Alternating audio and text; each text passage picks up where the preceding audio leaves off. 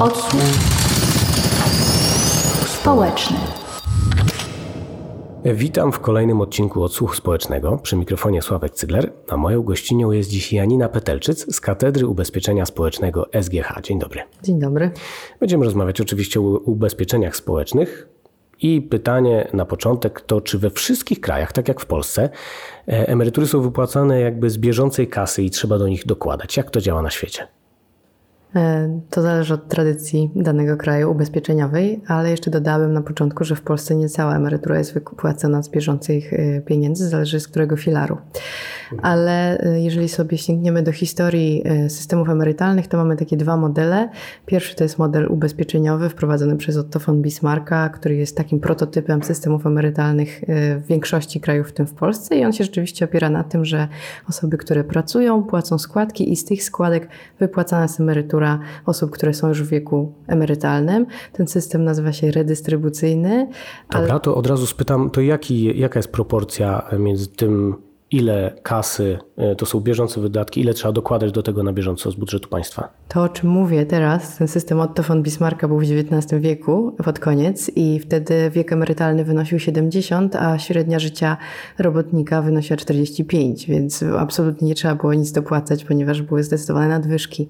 Natomiast to zależy od kraju. Problemem naszej części świata, tak, czyli globalnej północy, jest po prostu starzenie się społeczeństw, więc w takim modelu nie da się uzyskać tego balansu balansu tej równowagi ze składek, ponieważ mamy coraz więcej osób w wieku emerytalnym, a coraz mniej osób, które finansują te e, ubezpieczenia. Czyli kiedyś mieliśmy powiedzmy 10 do 1, 10 osób pracujących finansowało emeryturę jednej osoby, to w tej chwili już dobiegamy za kilkadziesiąt lat do 1 do 1, więc jest to zdecydowane wyzwanie.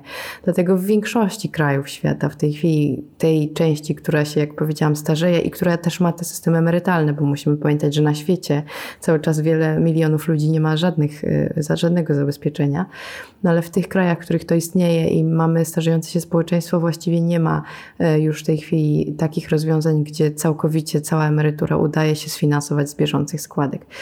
Jest jeszcze mowa często o tym, kiedy się mówi o starzejących się społeczeństwach i finansowaniu świadczeń emerytalnych, y, że są trzy drogi, żeby rozwiązać problem. Pierwszą jest wydłużanie wieku emerytalnego, no wtedy siłą rzeczy mamy więcej osób w wieku pracującym, a mniej niepracującym. E, drugą jest podwyższenie składek, które jest e, no, siłą rzeczy finansujemy w większym stopniu, ale jest to bardzo politycznie nie, niełatwe do przeprowadzenia. Mhm. Poza tym pytanie, jak duże powinny być te obciążenia. A trzecią drogą jest tak zwana dywersyfikacja, czyli szukamy innych źródeł dofinansowania naszej emerytury i wtedy się tworzy dodatkowe filary, czyli na przykład pracownicze rozwiązania emerytalne, czy też indywidualne. One w Polsce też są, chociaż e, no, niezbyt popularne. Natomiast jeżeli spojrzymy na Europę Zachodnią, to zobaczymy tę tak zwana stara piętnastka, jeszcze jak się kiedyś mówiło, teraz już chyba coraz rzadziej, to rzeczywiście tam w prawie wszystkich krajach jest coś, co się nazywa y, pracownicze plany emerytalne, czy jakoś tam occupational pension schemes, mówiąc po angielsku, różne nazwy, gdzie pracodawca w jakimś, sensie współfinansuje świadczenia emerytalne przyszłe y, swojego pracownika czy pracowniczki i wtedy rzeczywiście jest to znaczny udział w przyszłej emeryturze. Czyli tak może nie możemy tak dobrze sfinansować emerytury z tego budżetu, więc próbujemy szukać jeszcze innych źródeł. Takie są, myślę, główne drogi. A czy jesteś w stanie powiedzieć, w jakiej kondycji jest polski system emerytalny w porównaniu do Zachodu na przykład? To zależy o co pytasz. To znaczy, jeżeli pytasz o kondycję finansową, to mogę powiedzieć, że w przyszłości na pewno ten system nie upadnie, bo wprowadziliśmy reformę w 1999 roku, która chroni system, ale niekoniecznie dba o dobro emerytów na starość. Natomiast jeśli chodzi właśnie o tą kwestię społeczną, no to nasze emerytury będą malały. No i trochę może brzmi enigmatycznie, ale chodzi o to, że w 1999 roku wprowadzono coś, co się nazywa zdefiniowane zdefiniowana składka. To oznacza, że nasza emerytura już nie jest jakiś tam procentem pensji, który jest określony, czym na przykład 10 najlepszych lat naszej kariery, tylko i wyłącznie zależy od tego, ile przez całą karierę wpłaciliśmy do tego systemu i to jest podzielone przez tak zwane dalsze trwanie życia. Te tablice dalszego trwania życia są wyrównane dla mężczyzn i kobiet i one są obliczone w miesiącach przez GUS. Wiadomo, że to jest uśrednione, ale generalnie rzecz biorąc, jeżeli na przykład kobiety opiekują się dziećmi, więc nie płacą wtedy składek często, jeżeli są na tym wychowawczym, Opiekują się osobami starszymi, mężczyźni też, ale mówię kobiety, bo to jednak najczęściej one i wypadają z tego rynku pracy, płacą mniej, dostają mniejsze wynagrodzenie z różnych przyczyn. Czasami mamy mniejsze wynagrodzenie jako kobiety za to, że wykonujemy pracę y, na tym samym stanowisku i to jest już po prostu dyskryminacja, ale po prostu też kobiety pracują w mniej, mniej korzystnych finansowo warunkach, to znaczy zawody sfeminizowane są mniej płatne.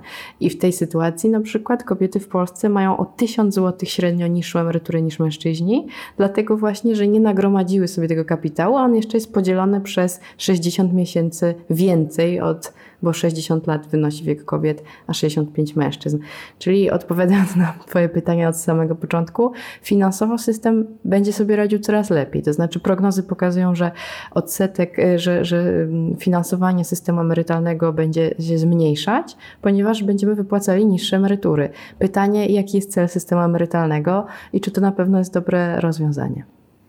Ale to, co powiedziałeś, że on się na pewno nie zawali, bo często młodzi ludzie mają takie przeświadczenie, że to jest państwowe, więc albo zostanie e, nam zabrane, albo się po prostu zawali. Rozumiem, że takiej szansy nie ma.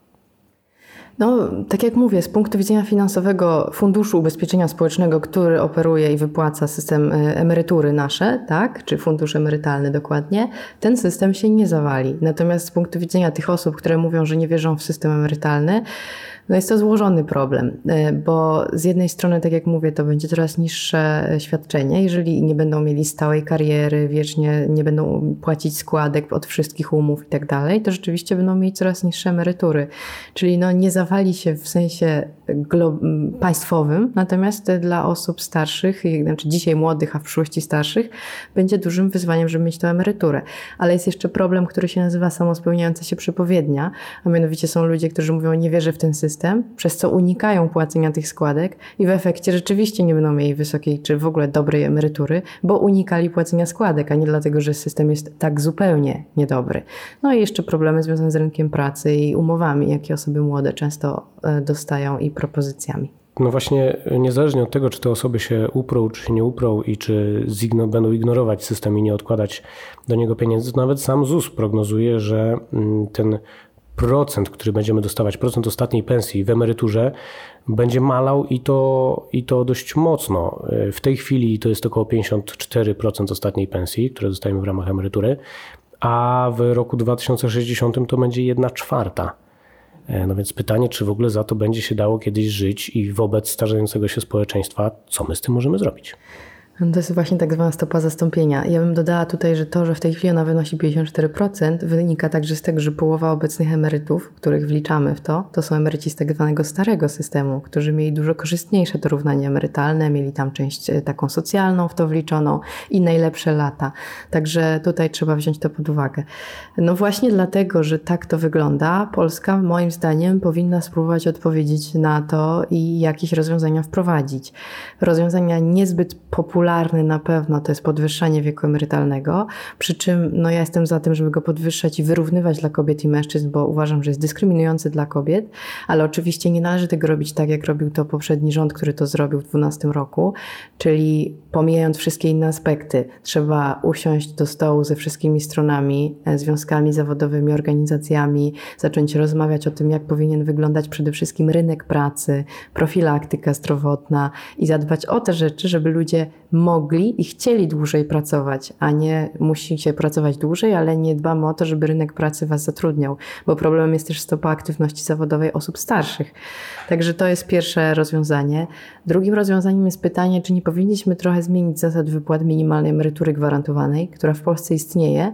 Ona wynosi około 1200 zł w tym roku. To nie jest duża kwota, ale już w tej chwili ponad 300 tysięcy osób nie ma prawa nawet do tego minimum, dlatego że żeby je uzyskać, trzeba przez co najmniej 20 lat w przypadku kobiet lub 25 w przypadku mężczyzn płacić składki. A często jest tak, że właśnie były długie okresy bezrobocia, albo ktoś był na umowie cywilnej, e, czyli takiej, której nie była płacona składka. Teraz już zlecenie jest oskładkowane, ale przez wiele lat nie było umowy o dzieło. E, także te osoby mają po prostu brak spełnionego warunku, więc nawet nie mają prawa do minimum. I być może tutaj także trzeba będzie coś przemyśleć. No i wreszcie ta dywersyfikacja. Rząd wprowadził PPK, chociaż moim zdaniem, czyli pracownicze plany kapitałowe, chociaż moim zdaniem to nie jest do końca system emerytalny, raczej korzystna forma oszczędności na starość. Nie będę jej bardzo krytykować, ale nie jest systemem emerytalnym dlatego, że nie wypłaca emerytury do końca życia, a to jest chyba najistotniejsze dla nas wszystkich. Tym bardziej, że w PPK możemy chyba wypłacić nawet całą kwotę, jeśli mamy jakieś pilne potrzeby, bez utraty tych dopłat państwa. Prawda? Bardzo ściśle to jest określone. W mhm. niektórych wypadkach trzeba zwrócić, kiedy na przykład bierzemy na kredyt na dom albo e, jakieś kwestie związane z mieszkaniem. W przypadku problemów zdrowotnych nie trzeba zwracać, ale też chyba nie całą kwotę można wykorzystać. Jeżeli ktoś chce sobie wypłacić całość, to tym musi zapłacić dodatkowe podatki i też nie dostaje kwot całych, które zgromadził, tylko są tam pewne ograniczenia. A powiedz jeszcze, e, czym są emerytury obywatelskie? Czy to są takie minimalne świadczenia, które przysługiwałyby każdemu, niezależnie od stażu pracy? No istnieje taki e, postulat, zdaje się, jednej z partii, e, natomiast nie jestem pewna, czy on nadal jest aktualny w, w, tym, w tym programie, e, żeby wprowadzić emeryturę obywatelską. Istnieje takie rozwiązanie w kilku krajach świata. Polega to na tym, że jeżeli jesteśmy osobami starszymi, najczęściej chyba powyżej 65 roku życia i nie mamy wystarczających dochodów z innych systemów czyli na przykład właśnie pierwszego filara czy drugiego emerytalnego, to mamy prawo do takiego minimum. E, no jest to rozwiązanie bardzo e, ciekawe, bo gwarantuje ochronę przed ubóstwem i wykluczeniem społecznych osób starszych. Nie wszyscy są zawsze związani z rynkiem pracy. To jest ten problem, że system emerytalny, naszą sytuację w nim określa to, jaka była nasza kariera zawodowa. Nie każdy może pracować, nie każdy zawsze, więc, więc jest to jakieś rozwiązanie. Natomiast e, to jest, to, to jest tak to, to, co znam, co funkcjonuje na świecie. Natomiast sama emerytura obywatelska to w ogóle jest pomysł, żebyśmy wszyscy dostawali sam, taką samą emeryturę w wieku, kiedy jesteśmy w wieku emerytalnym i tyle. E, I ona, jak rozumiem, musiałaby być finansowana z podatków, a nie ze składek. I ona jest dosyć ciekawym pomysłem, zwłaszcza w starzejącym się społeczeństwie. Natomiast istnieje bardzo duże wyzwanie, którym są tak zwane prawa nabyte i będące w trakcie nabywania. To znaczy sam proces przejścia z systemu, który mamy, gdzie płacimy składki i nabywamy prawa do jakiejś tam emerytury, do emerytury obywatelskiej byłby niezwykle kosztowny. To znaczy, trzeba by cały czas wypłacać jednocześnie emeryturę obywatelską, ale jeszcze te emerytury dla tych osób, które płaciły składki. Więc przejście na ten system, mimo że nie jest to zły pomysł, natomiast samo przejście byłoby tak kosztowne, że wydaje mi się dosyć trudne do zrealizowania. A ktoś na świecie to zrobił? Na razie, no tak jak mówię, istnieje coś w rodzaju bardziej emerytury socjalnej, minimum, natomiast e, takiej systemu emerytur obywatelskich nie spotkałam się. Mhm. Znasz może jakieś ciekawostki z innych krajów, jakieś właśnie inne modele, które się sprawdzają albo są spektakularną porażką? Jak to wygląda na świecie? Jak sobie można poradzić z tym problemem, że jak ludzie są już podstarzali, to nie za bardzo mogą pracować, a muszą jakoś żyć? No myślę, że musimy zadbać o tę emeryturę gwarantowaną minimalną i to jest nasza, nasza opcja, bo, bo wszystkie systemy, które znamy, które w różnych e, rankingach dobrze wychodzą, wypadają, to są systemy, których twórcy myśleli o tym, co będzie z przyszłymi emeryturami wiele dziesiąt lat temu. Znaczy najlepiej w tej chwili funkcjonują na świecie, tak się mówi, chociaż to jest zawsze różnie, system w Holandii i w Danii, Czasem się mówi też o Nowej Zelandii, ale generalnie rzecz biorąc chodzi o to, że to są kraje, które już w latach 40.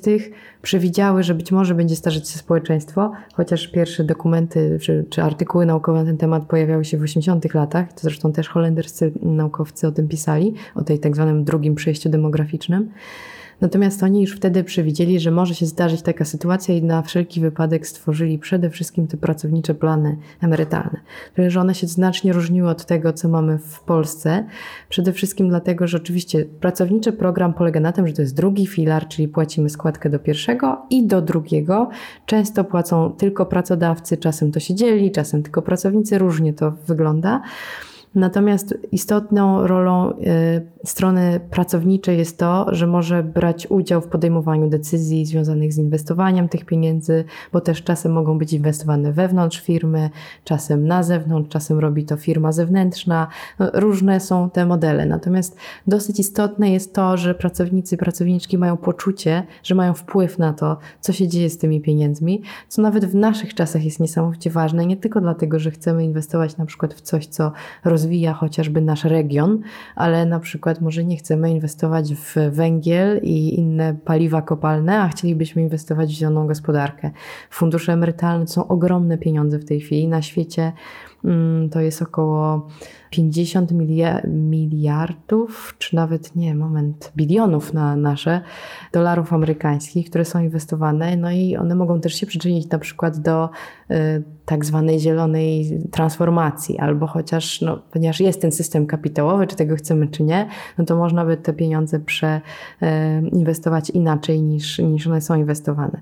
I widać wyraźnie, że tam, gdzie pracownicy mają udział w decyzji na temat inwestycji, na temat zarządzania, na temat y, zasad wypłat, to są zdecydowanie chętniej e, się zapisują do tych systemów, czasem są one obowiązkowe i lepiej te systemy funkcjonują. No u nas jest trochę na to za późno, to znaczy mamy te PPK, ale no wielu ludzi też nie przystąpiło do tego, bo nie ufamy naszym rządzącym, nie ufamy temu, że cały czas ten system emerytalny się zmienia, mimo że to nie jest nowe OFE, jak niektórzy mówią, no to niestety, ale dużo osób e, się z tego wypisuje. Natomiast zapytałeś też o błędy, to ja bym powiedziała, że największym błędem chyba w historii systemów, reform systemów emerytalnych była reforma w Chile, która całkowicie sprywatyzowała system emerytalny i doprowadziła do ogromnego problemu z ubóstwem osób starszych. W tej chwili tam są prace nad nie tylko konstytucją, ale także właśnie reformą systemu emerytalnego taką społeczną, żeby trochę ten trendy odwrócić, ale widać wyraźnie, że mimo wszystko powinniśmy zawsze dbać o to, żeby ten publiczny, państwowy filar zabezpieczenia emerytalnego był, bo on jest tak naprawdę jedyną stuprocentową gwarancją. No to mieliśmy tutaj dwa wątki. Po pierwsze zaufanie obywateli do funduszy, a po drugie to, żeby one były publiczne. To czym w takim razie w Polsce były OFE i co się z nimi stało? I czy ta popularna opinia o ukradzeniu pieniędzy z OFE, czy jak wiele to ma wspólnego z rzeczywistością? No więc kiedy w 1999 roku wprowadzono tą reformę, o której powiedziałam, e, czyli zdefiniowana składka, to zrobiono jeszcze coś, czyli wprowadzono drugi filar emerytalny, tylko że we wszystkich krajach, o których rozmawialiśmy, ten drugi i trzeci filar emerytalny to są dodatkowe składki. A w naszym przypadku po prostu tą naszą publiczną składkę podzielono jakby na dwa nurty. Jeden strumień płynął do ZUS-u, to było 12,2%, a 7,3% płynęło do OFE, czyli mieliśmy publiczną składkę zarządzaną przez prywatne fundusze emerytalne. E, tam było wiele błędów popełnionych. Po pierwsze taki, że to nie była dodatkowa składka, tylko publiczna. Drugim problemem było bardzo wysokie opłaty za zarządzanie, które później trochę zmniejszano. Później też zmniejszono wysokość tej składki do OFE, ale to spowodowało problem, o którym mówiłam w kontekście emerytury obywatelskiej, chociaż wtedy jeszcze mniejszy, mimo że nadal ogromny, czyli trzeba było finansować emerytury ze starego systemu, to co mówiłam, że starzy, emeryci starsi mają lepsze warunki, a jednocześnie napływ, strumień pieniędzy do ZUS-u był dużo mniejszy, bo znaczna część, jedna trzecia płynęła do OFE. I to był główny problem, e, którego, który no, doprowadził do tego, że rzeczywiście zdecydowana część naszych pieniędzy z OFE została potem wycofana, aktywa zostały przelane na nasze subkonta ZUS. Więc y, idąc do drugiej części Twojego pytania, nikt nas nie oszukał i nikt nam, nam, tych pieniędzy nie zabrał. Ja powiedziałabym, że nawet że jest korzystniej dla nas, ponieważ ZUS ma jedną bardzo fajną rzecz, której nie ma nigdzie, a mianowicie waloryzują nie tylko świadczenia emerytalne, ale przede wszystkim waloryzują składki. I ta waloryzacja składek jest zawsze bardzo korzystna. W tym roku chyba około 10%, więc y, tak naprawdę, kiedy tracą czasem fundusze emerytalne, no to y, składki w ZUS nie mogą stracić, bo nie może być poniżej 0%. Co oznacza, że te pieniądze, które mieliśmy w OFE, po prostu są na naszych tak zwanym subkoncie w ZUS-ie. Mamy w ZUS-ie swoje główne konto i subkonto, czyli ta kwota, która z OFE została tam przelana. I w OFE jeszcze cały czas mamy pieniądze, to też warto pamiętać, nawet jeżeli ktoś zdecydował się, bo mieliśmy ten wybór, że możemy dalej płacić lub nie. Jeżeli nic nie zrobiliście, to znaczy, że nie płacicie dalej, tak? Bo to trzeba było wtedy złożyć tą deklarację. Taka ekonomia behawioralna. Ale to, że nie, że nie płacicie dalej do OFE, jeśli byliście w tym systemie, to macie tam część e, aktywów cały czas, które są inwestowane. E, I to niezbyt, e, jak się przyjrzymy polityce inwestycyjnej tych funduszy, to nie zawsze jest to coś pewnie, czego byśmy chcieli. Wkrótce, jak sądzę, będą jakieś propozycje zmiany tego systemu. Miały już być dwa lata temu, trzy lata temu, na razie. A te, te pieniądze można teraz przesunąć do ZUS-u na przykład? Nie, nie możemy nic z nimi zrobić w tej chwili. Na razie to tak wisi. One, kiedy jesteśmy bliżej wieku emerytalnego, jest tak zwana metoda suwaka, czyli coraz więcej tej kwoty przelewane jest do ZUS-u i jak już jesteśmy w wieku emerytalnym, to już na OFE nie mamy nic. Natomiast nie jest tak, że ich tam nie ma tych pieniędzy. OFE cały czas istnieją i nie tylko dla osób, które płacą cały czas na OFE, ale także dla tych, którzy tam kiedykolwiek byli. Czy w Polsce są podejmowane jakieś y, działania, żeby przedłużyć aktywność zawodową? Pewno, znaczy są propozycje, które e, mają znosić e, opodatkowanie, jeśli dalej pracujemy, będąc emerytami, emerytkami, chociaż nie można wtedy rozwiązać umowy, e, bo w tej chwili jest tak, że jeżeli rozwiążemy umowę, z naszym pracodawcą, to mamy prawo do emerytury i zaraz następnego dnia możemy znowu ją podpisać i sobie dalej pracować i mieć jednocześnie emeryturę.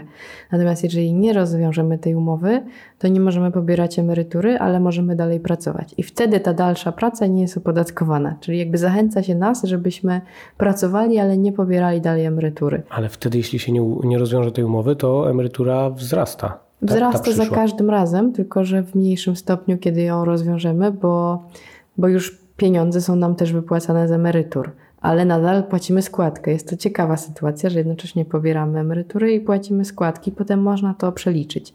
Natomiast w tym wypadku, o którym mówię z podatkami, chodzi też o to ustawodawcy, żebyśmy po prostu nie pobierali emerytury, tylko dalej pracowali, póki możemy e, i nasza emerytura będzie znacznie wzrastać. Znaczy, jeżeli spojrzymy sobie na dane, wynika to z prostej matematyki. Mianownik nam się zmniejsza, a licznik zwiększa, więc, e, więc te emerytury rzeczywiście rosną. Im dłużej pracujemy, tym większa jest proporcja tego przyrostu ze względu na dane demograficzne. A jeszcze warto powiedzieć, że z powodu COVID e, po raz pierwszy w historii powojennej Polski skrócił nam się wiek dalszego trwania życia i w efekcie jak ktoś teraz przychodzi na emeryturę z takim samym kapitałem jak ktoś dwa lata temu, to będzie mieć znacznie większą emeryturę, mówi się, że nawet kilkaset złotych, przez to, że zmieniły się nam te dane dotyczące dalszego trwania życia. Czyli tak naprawdę przez katastrofę e, pandemii, o której się chyba mało mówi. Kolejne wydarzenie, które mi przychodzi do głowy, to jest napływ e, ludzi pracujących, czyli Ukraińców. Co prawda, struktura demograficzna i społeczna uchodźców no to są głównie kobiety z dziećmi, natomiast jest też szansa, tak patrząc ekonomicznie, że e, no, rynek pracy też nam się nieźle załata. To też będzie miało znaczenie przy wpływach na składki, prawda? Tak, chociaż ja bym nie powiedziała, że to wojna sprawia, sprawia, ponieważ myśmy mieli pracowników, pracowniczki z Ukrainy już od dawna w Polsce i to bardzo wyraźnie widać w systemie ubezpieczenia społecznego, bo jeżeli porównujemy dane dotyczące temu, tego, ile osób wpłaca, wpłacało składki do ZUS, to zobaczymy, że mieliśmy na koniec chyba roku przed rozpoczęciem wojny ponad 800 tysięcy osób z Ukrainy, co oznacza, że to są osoby, które legalnie pracowały. Dodajmy jeszcze tych, którzy nie pracowali legalnie, więc nie płacili składek albo na tych umowach niezbyt niestety korzystnych. E, co mówi nam dużo o tym, jak ten rynek wyglądał i że rzeczywiście było dużo takich osób. I to są osoby, które zdecydowanie zasilały Fundusz Ubezpieczeń Społecznych, ale to oznacza, że w tej chwili mamy te zyski, a w przyszłości będziemy musieli wypłacać im emerytury, bo mamy umowę z Ukrainą, która obowiązuje i będzie dalej obowiązywać, która oznacza, że jeżeli ktoś wyjedzie do Ukrainy z powrotem, a pracował lub pracowała w Polsce przez tam minimalny okres czasu, to będzie musiały te pieniądze być transferowane do ukraińskiego systemu ubezpieczenia społecznego i Ukraina będzie łączyć to z tym, co wypracuje ta osoba w Ukrainie. No to właśnie, a propos, czy, czy analogicznie będzie się działo z Polakami, którzy pracują na przykład w Wielkiej Brytanii i wrócą na emeryturę do Polski? Wielka Brytania jest y, kłopotliwa ze względu na Brexit, ale tak, oczywiście, że tak, bo to są prawa, które nabyli. Istnieje w Unii Europejskiej od wielu lat już y, dyrektywa 883-2004 o koordynacji systemów zabezpieczenia społecznego, zgodnie z którą wszystkie te kwestie związane z prawami do ubezpieczenia społecznego pracowników migrujących są uregulowane. Czyli w zależności, oczywiście każde państwo ma inny system, ale jeżeli pracujemy gdzieś, to mamy i nabywamy dokładnie takie same prawa jak obywatele, obywatelki danego kraju, proporcjonalnie do czasu, który tam pracujemy. Czyli jeżeli ktoś będzie pracował powiedzmy 20 lat w Niemczech i zdecyduje się, że wraca do Polski i pracuje 10 w Polsce, to dostaje 10 lat y, emerytury, którą wypracuje sobie w Polsce, a z Niemiec będzie transferowana część, którą wypracował lub wypracowała sobie w Niemczech. Y, jest dużo bardzo, to jest dosyć skomplikowana dyrektywa i oczywiście brzmi to prosto, kiedy tak mówimy, ale mamy pracowników migrujących, jeżdżących tych na trzy miesiące, tak zwany transgranicznych. Także to jest dosyć skomplikowany system, natomiast wydaje mi się, że jak na skomplikowanie i fakt, że mamy 26, 27, zależy jak liczyć, 28 z Wielką Brytanią systemów, każdy jest zupełnie inny, to jest całkiem nieźle uregulowane.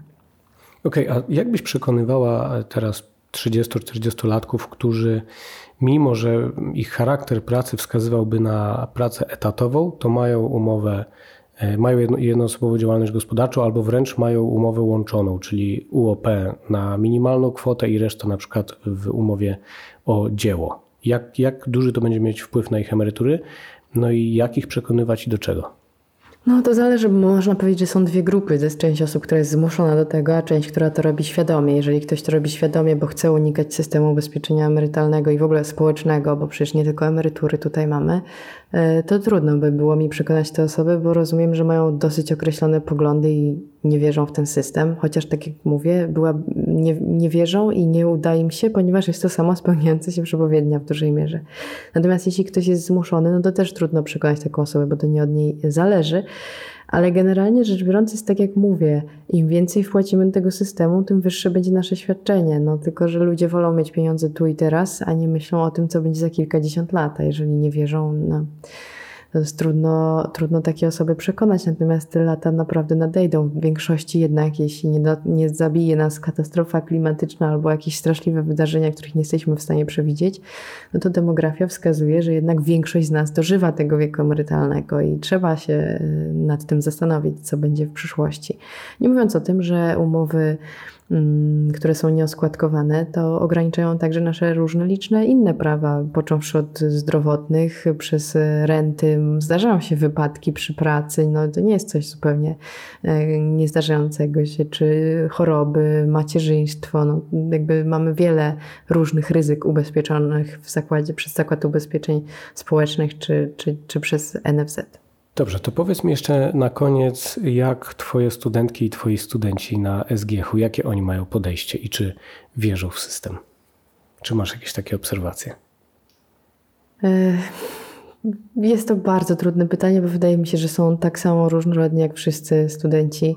To znaczy, generalnie rzecz biorąc, młodzi ludzie w Polsce po prostu mają dosyć dużo wątpliwości, co myślę wynika też z tego, jak my o tych systemach emerytalnych i o systemie ubezpieczeń rozmawiamy od właściwie 30 lat. Jeżeli nasi studenci w tej chwili to są roczniki około 2000, no to są ludzie, którzy wychowali się w tym czasie, w którym się ciągle uderza, czy w ubezpieczenia, czy w związki zawodowe, więc nie jest to łatwe, chociaż wydaje mi się, że dochodzi do pewnej przemiany. To znaczy, że w pewnym sensie ekonomia przeszła przez tak zwane mm, po angielsku się mówi window of opportunity, czyli te różne kryzysy sprawiają, myślę, że widać to w mediach, że coraz więcej przybija się takich wizji ekonomii, które nie są ściśle liberalne, czy nawet nazwałbym je neoliberalnymi, czy neoklasycznymi, e, tylko z takim jednak społecznym podejściem i założeniem, że ekonomia ma służyć człowiekowi, a nie człowiek ekonomii, czy tam wyłącznie zyskom. Także myślę, że to się zmienia, zmienia wszędzie. Ale też do końca tak nie rozmawiamy ze studentami na ten temat, bo akurat przedmioty, które prowadzę są szersze w zakresie swoim niż samo tylko emerytury, więc y, trudno mi tak jednoznacznie powiedzieć, jakie mają poglądy na ten temat. Serdecznie dziękuję w takim razie za rozmowę. Dziękuję bardzo. To była Janina Petelczyc i Odsłuch Społeczny. Do usłyszenia w kolejnych odcinkach naszego podcastu, który oczywiście możecie śledzić na wszystkich popularnych serwisach podcastowych. Dzisiejszy odcinek przygotowywała Magdalena Gromniak-Szi, a montował Robert Gańko. Dzięki serdeczne i do usłyszenia. Odsłuch społeczny.